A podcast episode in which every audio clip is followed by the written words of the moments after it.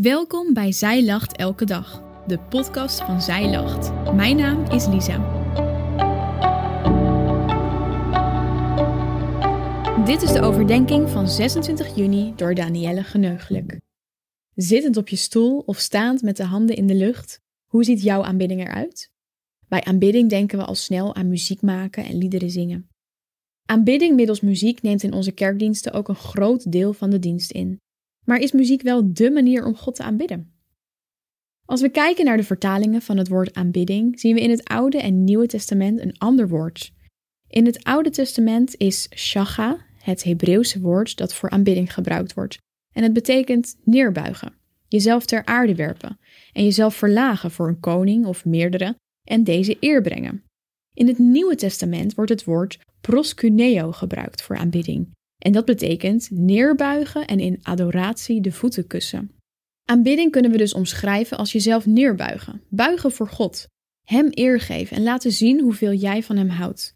Het opvallende is dat er in de Bijbel eigenlijk helemaal niet gesproken wordt over aanbidding in muziek. Laat staan over welke liederen dat zouden moeten zijn en hoe we deze zouden moeten zingen.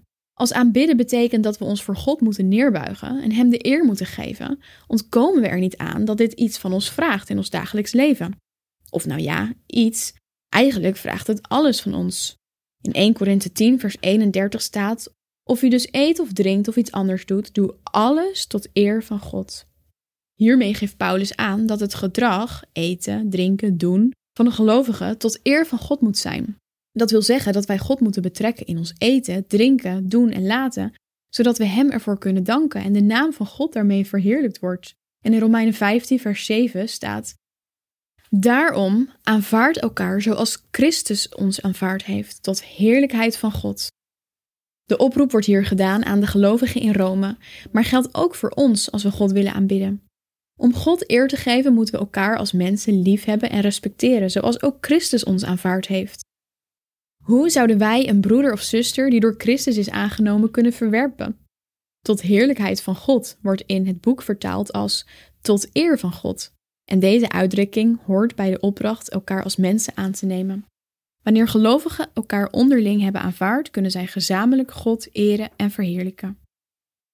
Aanbidden gaat dus niet per se om de mooiste muziek spelen, je handen hoog in de lucht gooien of stilletjes meezingen.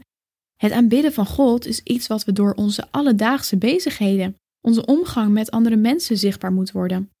Door God te danken en te betrekken in onze dagelijkse activiteit, door mensen om ons heen lief te hebben en onze tijd, energie en misschien wel geld hierin te steken, vereren wij God. Muziek maken en liederen zingen is niet per definitie God aanbidden. God aanbidden betekent dus ons letterlijk buigen voor God, ons overgeven en erkennen dat God onze meerdere is die alle eer toekomt. En dit zal, zoals zojuist benoemd, in ons dagelijks leven tot uiting moeten komen. Maar we kunnen muziek natuurlijk wel gebruiken als een middel om God te loven en eer toe te zingen.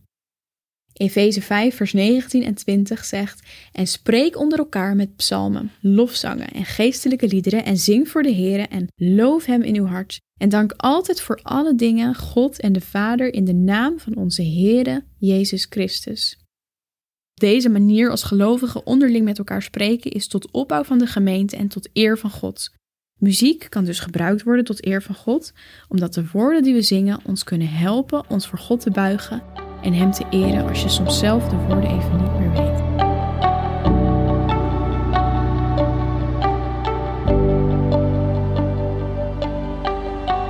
Dankjewel dat je hebt geluisterd naar de overdenking van vandaag. Wil je de overdenking nog eens nalezen? Check dan onze website. Je vindt daar ook nog meer toffe dingen die jou helpen om de Bijbel vaker te openen, zoals boeken, Bijbels, cursussen en evenementen. Morgen ben ik weer bij je terug met een nieuwe overdenking. Tot dan!